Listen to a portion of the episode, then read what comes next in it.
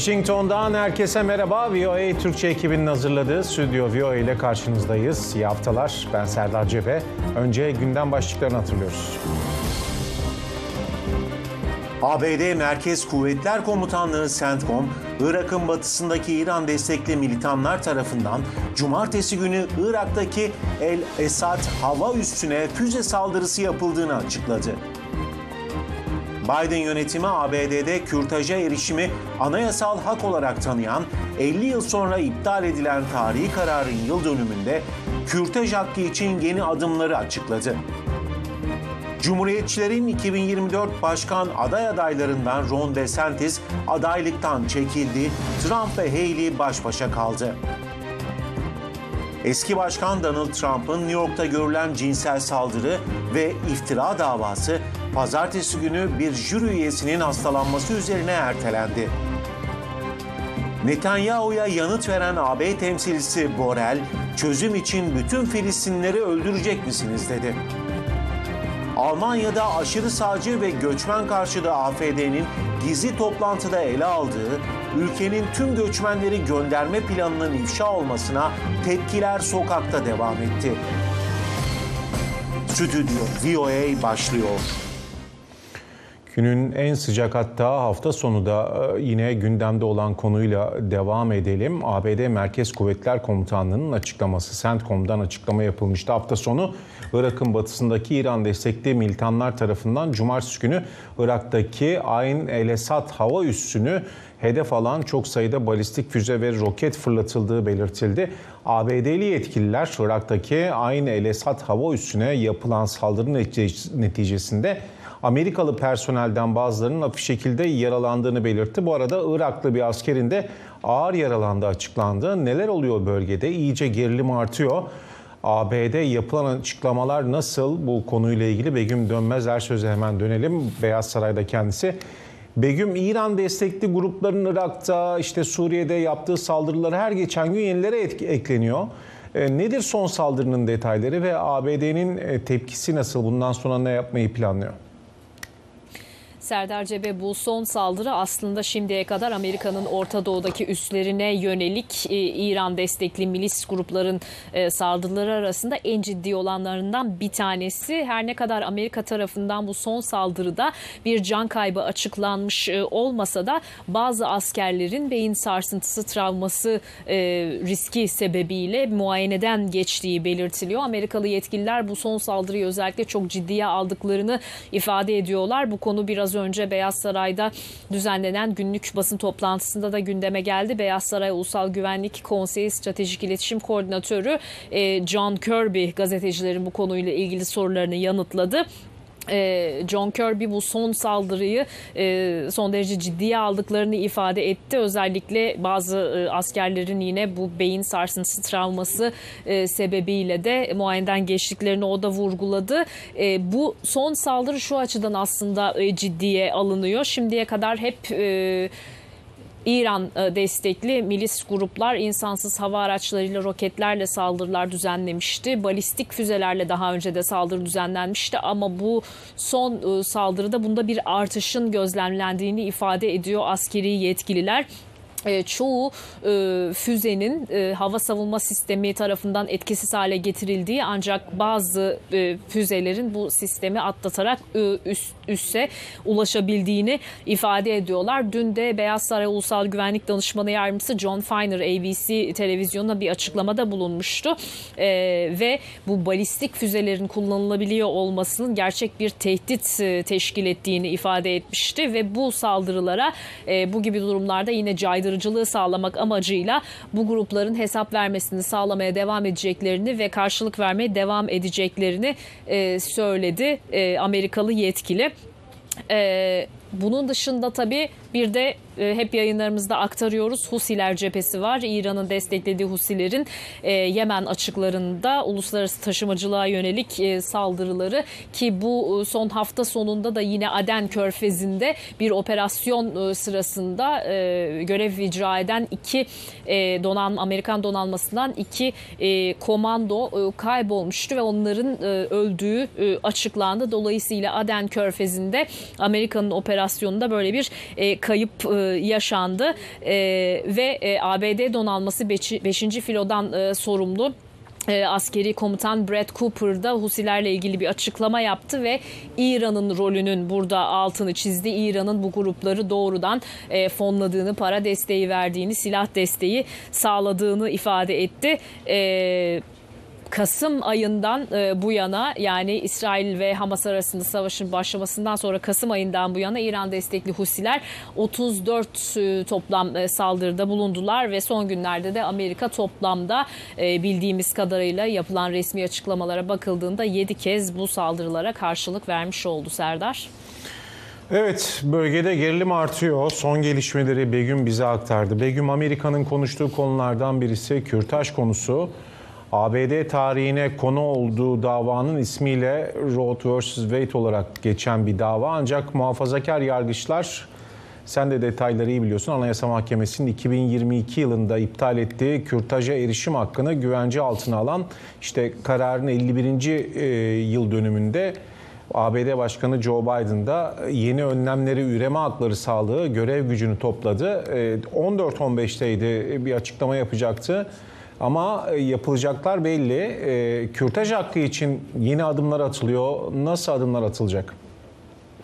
Serdar Amerika'da kürtaj e, meselesi iç siyasetin en önemli konularından bir tanesi ve 2024 seçim sürecinde de bir istisna olmadı. Kürtaj meselesi yine tartışmanın merkezinde diyebiliriz. E, Beyaz Saray üreme e, sağlığına erişim görev gücü Başkan Biden topladı ve bu görev gücü zaten sabah saatlerinde yapılan açıklamayla bu yeni adımların biraz aslında özetini ayrıntılarını paylaştılar ve bu kapsamda doğum kontrolü araçlarına erişimin güçlendirilmesi, kürtaja erişimin korunması, hastaların acil tıbbi bakım alabilmesini sağlamaya yönelik yeni bazı adımlar var. Hastaların, kliniklerin ve sağlık hizmeti veren kuruluşların güvenliğinin teşvik edilmesi, özel hayatın mahremiyeti ve hassas sağlık bilgilerinin e, korunmasının e, yanı sıra bu hassas sağlık bilgilerinde yasa dışı şekilde kullanılmasının engellenmesi yönünde bir takım adımlar planlanıyor. Bu önemli çünkü Amerika'da e, 20'den fazla neredeyse eyalette bir takım kürtaj kısıtlamaları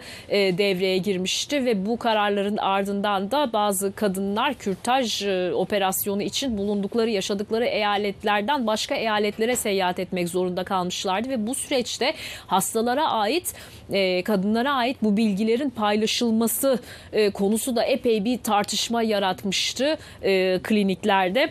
Ee, yine biraz önce Beyaz Saray'da düzenlenen basın toplantısında Biden yönetiminin e, cinsiyet politikasından sorumlu e, yetkilisi bu konuda kürtaj erişim konusunda e, gazetecilerin sorularını yanıtladı. E, bir bu durumun e, yani eyaletlerin bu konuda çeşitli kararlar alması Anayasa Mahkemesi'nin o tarihi kararı iptalinin ardından bunun sağlık anlamında tıbbi bir kaos, bir kafa karışıklığına yol açtığını vurguladı yetkili ve hastalar haklarını bilmeliler e, dedi. E, Biden yönetimi Anayasa Mahkemesi'nin bu tartışmalı şekilde e, kürtaja erişim anayasal hak haline getiren o kararı geri çevirmesinden sonra iptal etmesinden sonra bunun kongre tarafından bir yasa haline getirilmesini istiyor. Biden yönetimi dolayısıyla 2024'teki başkanlık seçimi öncesinde kürtaj konusunu seçim kampanyasının da önemli bir unsuru haline getirmiş durumda. Çünkü demokratlar bu seçim öncesinde e, kürtaj hakkının seçmen tabanını biraz daha hareketlendireceğini ve seçime katılımı da artırmasını e, umuyor. Cumhuriyetçiler ve eski başkan Donald Trump, kürtaj karşıtı gruplar, evangelik Hristiyanların da biraz desteğiyle e, kürtaja erişim hakkının kısıtlanması gerektiğini ifade ediyorlar. Ülke düzeyinde sıkı kısıtlamaların getirilmesi gerektiğini savunuyor Cumhuriyetçi kesimde. Dolayısıyla yine 2000 2024 e, seçimine, e, başkanlık seçimine giden süreçte kürtaj iç siyasette tartışılmaya devam ediyor. Serdar. Evet, e, Orta Doğu'daki İran yanlısı grupların yaptığı saldırılar ve kürtaj hakkı ile ilgili Biden hükümetinin aldığı yeni önlemleri VOA Beyaz Saray muhabiri Begüm Dönmezer söz bize aktardı. Teşekkürler Begüm. Şimdi geçelim yine iç politikaya 2024 sonunda yapılacak seçimlere. Florida valisi ve aynı zamanda Cumhuriyetçi Parti'nin başkan adaylığı için yarışan isimlerden Ron DeSantis yarıştan çekildiğini açıkladı. DeSantis X'ten bir video yayınladı ve adaylıktan çekildiğini açıklarken aynı zamanda Trump'ı destekleyeceğini de söyledi. Bundan sonra yarış nasıl bir havaya girer? Serhan Akif Akyıldız şu anda kongre e, arkasına almış bizim karşımızda. Serhan Trump'ın iyice önü açıldı. Zaten e, çift hanelere varan bir e, fark atıyor rakiplerine. Şimdi bir tek Nikki Haley kaldı. E, ne olacak bundan sonra ön seçimler e, zamanı, e, mahkemeler bir tarafta. E, ne diyeceksin Ron DeSantis'in çekilmesiyle ilgili? Şimdi hemen son bir anketle başlayalım. Yapılan bir ankette katılımcıları sormuşlar. Nikki Haley'nin destekçilerine kimi destekleyeceksiniz şeklinde soru ve %62'si ankete katılanların %62'si Trump'ı destekleyici. Ron DeSantis'in destekçilerinden %62'si Trump'ı destekleyeceğini belirtmiş. %30'u Nikki Haley'e destek vereceğini söylemiş. Tabi bu Nikki Haley'nin pek de istediği bir sonuç değil.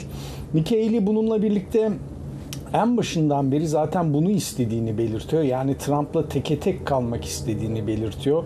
Kendisinden yarıştan çekil yönünde çağrılar olduğunu belirtiyor ama bu çağrıları dinlemeyeceğini, yoluna devam edeceğini, zoru sevdiğini belirtiyor özetlemek gerekirse Haley. Ve daha çok da son günler özellikle Ron DeSantis'in yarışından ayrılmasıyla da Trump'a yönelik eleştirilerini biraz daha sertleştirmiş durumda diyebiliriz Nikki Haley. Bununla birlikte Trump, Ron DeSantis'in destekçilerinin büyük çoğunlukla kendisini destekleyeceğini beklediğini belirtti. Ama onların desteğine de ihtiyacım yok ifadesini kullandı. Trump'ın seçim kampanyasının Ron DeSantis'e New Hampshire'daki seçim etkinliğine katılması yönünde bir çağrı yaptığı belirtiliyor ama henüz Ron DeSantis buna nasıl yanıt vermiş kamuoyuna yansımış değil. Bununla birlikte 7 ay önce bu yarışa girerken Ron DeSantis sen de hatırlayacaksın Trump'ın en güçlü rakibi olabileceği düşünülüyordu. Trump'ı yenebileceği düşünülüyordu. Hatta ilk anda açıkladığı zamanda yarışa girdiğinde destek %35 civarındaydı. %40'a yaklaşmıştı Florida valisine ki özellikle valilik seçimlerinde hatırlayacaksın demokrat rakibine oldukça fark atmıştı. O da ivme kazandırmıştı Ron DeSantis'e e, ama kampanyasını açıklarken X'ten açıklamıştı Elon Musk'la ve orada teknik sorunlar yaşamıştı. Açıkçası daha kampanyasına başlarken böyle bir sorunla başlaması biraz sıkıntılı olmuştu. Destek oranı azalmıştı ve gün geçtikçe de o destek oranı iyice azaldı diyebiliriz. Tabii bu konuda Ron DeSantis'e Amerikan kamuoyunda eleştiriler de var.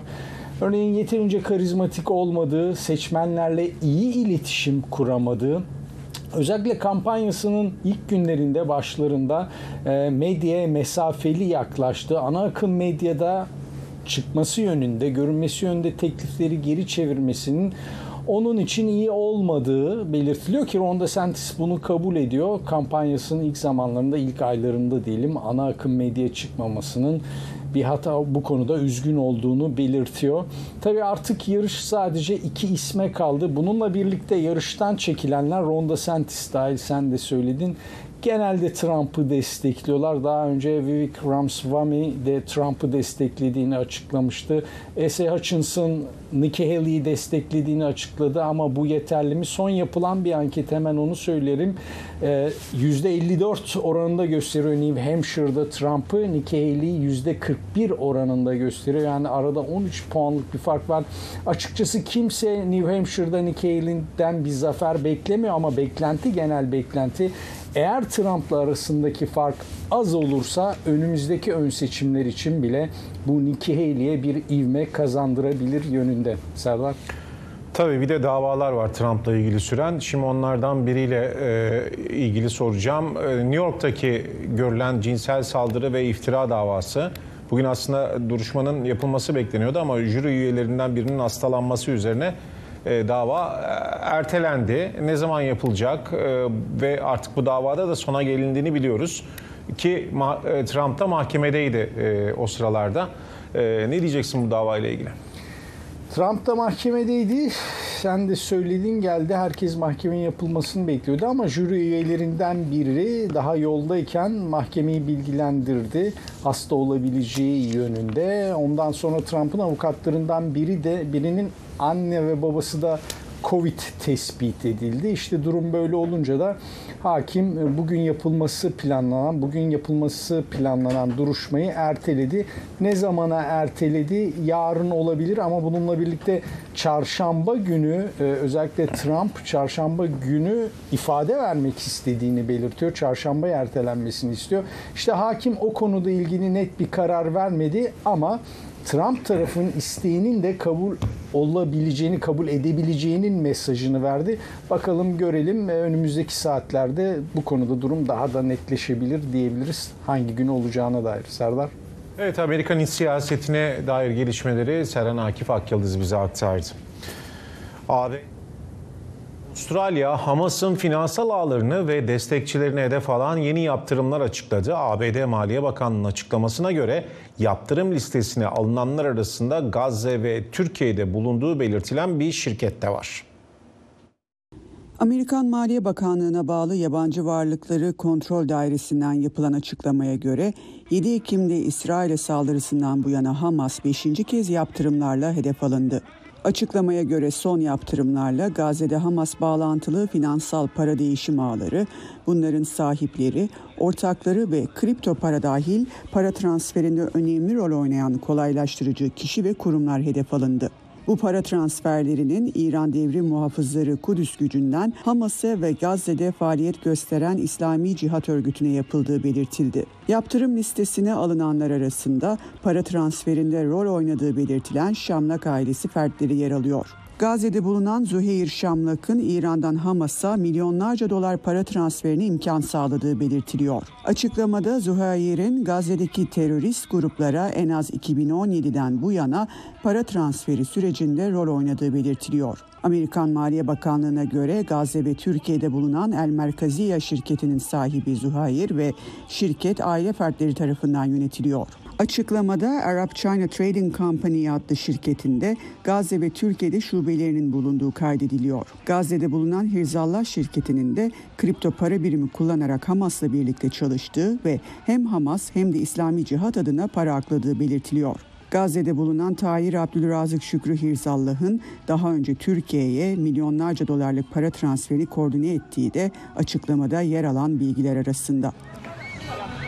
Avrupa'ya da bakalım. AB Dışişleri Bakanlığı 1 Şubat'ta yapılacak Liderler Zirvesi öncesi bugün Brüksel'de Gazze gündemiyle bir araya geldi.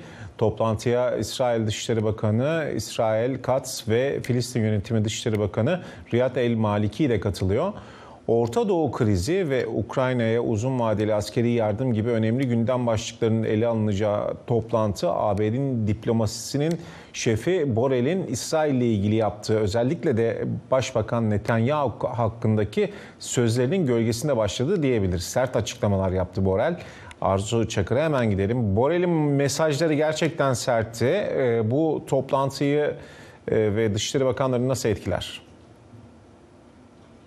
Başkan Biden'la Netanyahu arasında bir takım gerilimler olduğunu biliyoruz. Hafta sonundan bu yana iki devlet çözüm konusunda bir tartışma yürütülüyor ve sonunda e, Netanyahu hafta sonu iki devletli çözümü önerisini reddettiklerini söyleyince oldukça gergin bir e, diplomasi e, kulisi gerçekleşiyor şu anda Brüksel'de. Dışişleri Bakanları toplantısı Avrupa Birliği'nin barış planı için toplandı. Borel barış planında 10 e, maddelik bir çözüm önerisi iki devletli çözüme nasıl gidileceği, insani yardımı sağlamasından başlayıp kalıcı çözüme kadar bir plan önerdi. Fakat bu senin de belirttiğin gibi iki Dışişleri Bakanı da geldi. Hem İsrail hem Filistin Dışişleri Bakanları. Onlar da katıldılar toplantıya. Fakat sürpriz e, tabii açıklamalar var. Önce Borel'den sonra da katılan İsrailli Bakan'dan yapılan açıklamaları aktarmak istiyorum izin verirsen. Borrell, Joseph Borrell önemli bir açıklamada bulundu. Hamas'ı hafta sonu e, bu açıklamaları yaptı. Hamas'ı İsrail'in yarattığını ve finanse ettiğini iddia etti. Bunu, bunu da El Fetih örgütüne son vermek, onun gücünü kırmak ve İsrail-Filistin devletini kurulmasına engel olmak için ya Hamas'ı bilerek finanse ettiğini iddia etti. Bunun üzerine bugün Brüksel'de yapılan toplantı girişinde de şunları söyledi. E, Netanyahu'nun bu e, iki devletli çözüm önerisini reddetmesi hatırlatıldı Borel'e. O da ne istiyorlar peki dedi yanıt olarak. Ne istiyorlar? Bütün Filistinleri yer oradan kovmak mı istiyorlar Gazze şeridinden ya da hepsini öldürmek mi istiyorlar? Nedir kafalarındaki çözüm dedi. Barış dışında bir çözüm mü e, olabilir dedi ve askeri çözümün tek çözüm olamayacağını dile getirdi. Kalıcı bir e, barışın sağlanabilmesi için bu bağlamda Avrupa Birliği ve e, batılı liderlerin mutlaka bu çözüm işini iki tarafa bırakmadan İsrail'e baskıyı sürdürmesi gerektiğini de dile getirdi. Dediğim gibi İçişleri Bakanları bugün e, dış, e, özür diliyorum Avrupa Birliği Dışişleri Bakanları bugün her iki Dışişleri Bakanı dinledi. Önce İsrailli bakan ilginç bir sunum yaptı. Çok şaşırttı bu sunum e, Dışişleri Bakanlarını. E, 2017 yılından bu yana İsrail'in savuna geldiği bir yapay adadan söz etti. Gazze açıklarında bir yapay ada çok da net olmayan bir öneri sundu ve bunun Hindistan'a bağlanabileceği vesaire şeklinde bir takım soyut önerilerde bulundu. Bu öneri Borel'i kızdırdı. İnsani çözüme, insani yardım konusuna odaklanın bu tür işlerle zamanınızı e, harcayacağınıza gibi bir cümle kullandı. Daha sonra tabii Filistin Dışişleri Bakanı da umutsuz bir şekilde görüyorsunuz ki her şeyi yapılmasına izin veriliyor. İsrail yasaları dinlemiyor ve bu cezasız kaldıkça da her şeyi yapmayı kendilerinde yetki buluyorlar. Dolayısıyla bu işin çözümü mutlaka İsrail'e ateşkes konusuna ikna etmek dedi. Fakat bu toplantıda da Dışişleri Bakanları e, ateşkes konusunda ortak bir karar alamadılar. Evet İsrail yaptığı operasyonlarla şu anda hem Amerika'nın hem de Avrupa Birliği'nin tepkisini çekiyor diyebiliriz. Son gelişmeleri Avrupa'dan, Paris'ten bize Arzu Çakır aktardı. Teşekkürler Arzu, iyi çalışmalar. Ve Almanya'ya geçelim. Almanya'nın gündemi aşırı sağcı ve göçmen karşıtı Almanya için Alternatif Partisi'nin göçmenleri tehcir planı ve buna tepkiler. Hatırlanacağı gibi aralarında Almanya için alternatifli politikacıların da bulunduğu Alman aşırı sağcıların bir araya gelerek ülkede yaşayan milyonlarca göçmen kökenliği sınır dışı etme planları yaptıklarını geçtiğimiz hafta sizlere aktarmıştık. Bunun üzerine halk adeta sokaklara döküldü, ayaklandı diyebiliriz. Hafta sonu da ülke son 10 yılın en büyük protesto gösterilerine sahne oldu. Berlin'deki ve Almanya genelindeki gelişmeleri Cem Dalaman aktarıyor.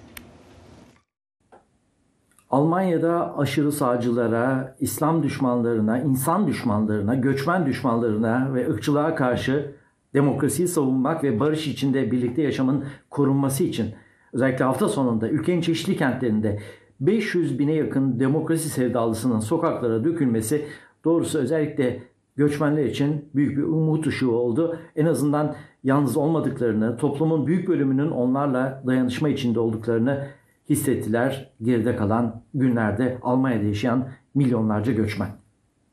Aşırı sağa karşı geçen hafta sonunda yapılan gösterilerin en büyükleri Münih, Hamburg ve başkent Berlin'de gerçekleşti. Münih'te düzenlenen gösteriye yaklaşık 200 bin kişi katıldı. Şehir merkezindeki etkinlik alanının dolup taşması üzerine gösteri güvenlik nedeniyle yarıda kesildi. Hamburg'da düzenlenen gösteriye en az 150 bin kişi katıldı. Berlin'de ise meclis binası önünde yürüyüşçüler bir araya geldi. Organizatörler tarafından verilen bilgiye göre eyleme 100 bin kişi katıldı. Protestocular, ırkçılar ve aşırı sağ partisi AFD'ye karşı ellerinde dövizler taşıyarak sloganlar attı. Berlin'de 3 Şubat günü demokrasiyi koruyalım sloganıyla bir insan zinciri kurulacak. Nürnberg, Düsseldorf, Köln, Cottbus başta olmak üzere ülke genelinde toplam 40 kentte düzenlenen diğer gösterilere de en azından 100 binden fazla insanın katıldığı öğrenildi. AFD'ye siyasi tepkiler de sürüyor. Nitekim Başbakan Olaf Scholz her hafta sonu sosyal medya hesabından paylaştığı geleneksel video mesajında Almanya'da herkes çok açık bir biçimde birliktelik, hoşgörü ve demokrasimiz için harekete geçmeli şeklindeki mesajıyla gösterilere destek verdi. Cumhurbaşkanı Frank-Walter Steinmeier de demokrasimizin geleceği yüksek ses çıkaran kişilere değil, demokrasiyi savunanların seslerini yükseltmesine bağlı. Birlikte daha güçlü olduğumuzu gösterelim şeklinde konuştu. Tarım Bakanı Türkiye kökenli Cem Özdemir de yaptığı açıklamada iş başındaki hükümetin sokaktan yükselen mesajı aldığını ifade ederek bundan sonra daha iyi bir şekilde ülkeyi yönetmeliyiz dedi.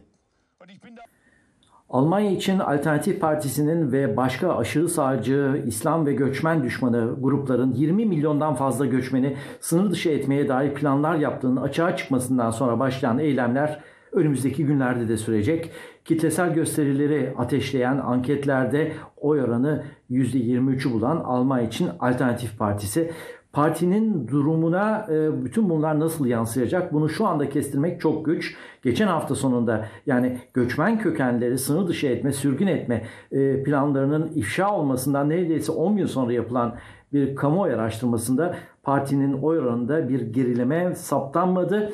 Almanya tarihinde en fazla güven erozyonuna uğrayan hükümet yani SPD Yeşiller ve FDP koalisyonunun verdiği olumsuz görüntünün önemli bir sorun olduğunun altını çizen birçok analizci Alman toplumunun belli bir bölümünün hayat pahalılığı, bölünme, kutuplaşma, göçmen ve mülteci düşmanlığı gibi konulardan etkilendiğini ve yapılan gösterilerle Almanya için Alternatif Partisi'nin yükselişine dur demenin zor olduğunu belirtiyorlar ve gösterilerin Almanya'daki genel atmosferi kandırmaması şeklinde bir uyarıda bulunuyorlar.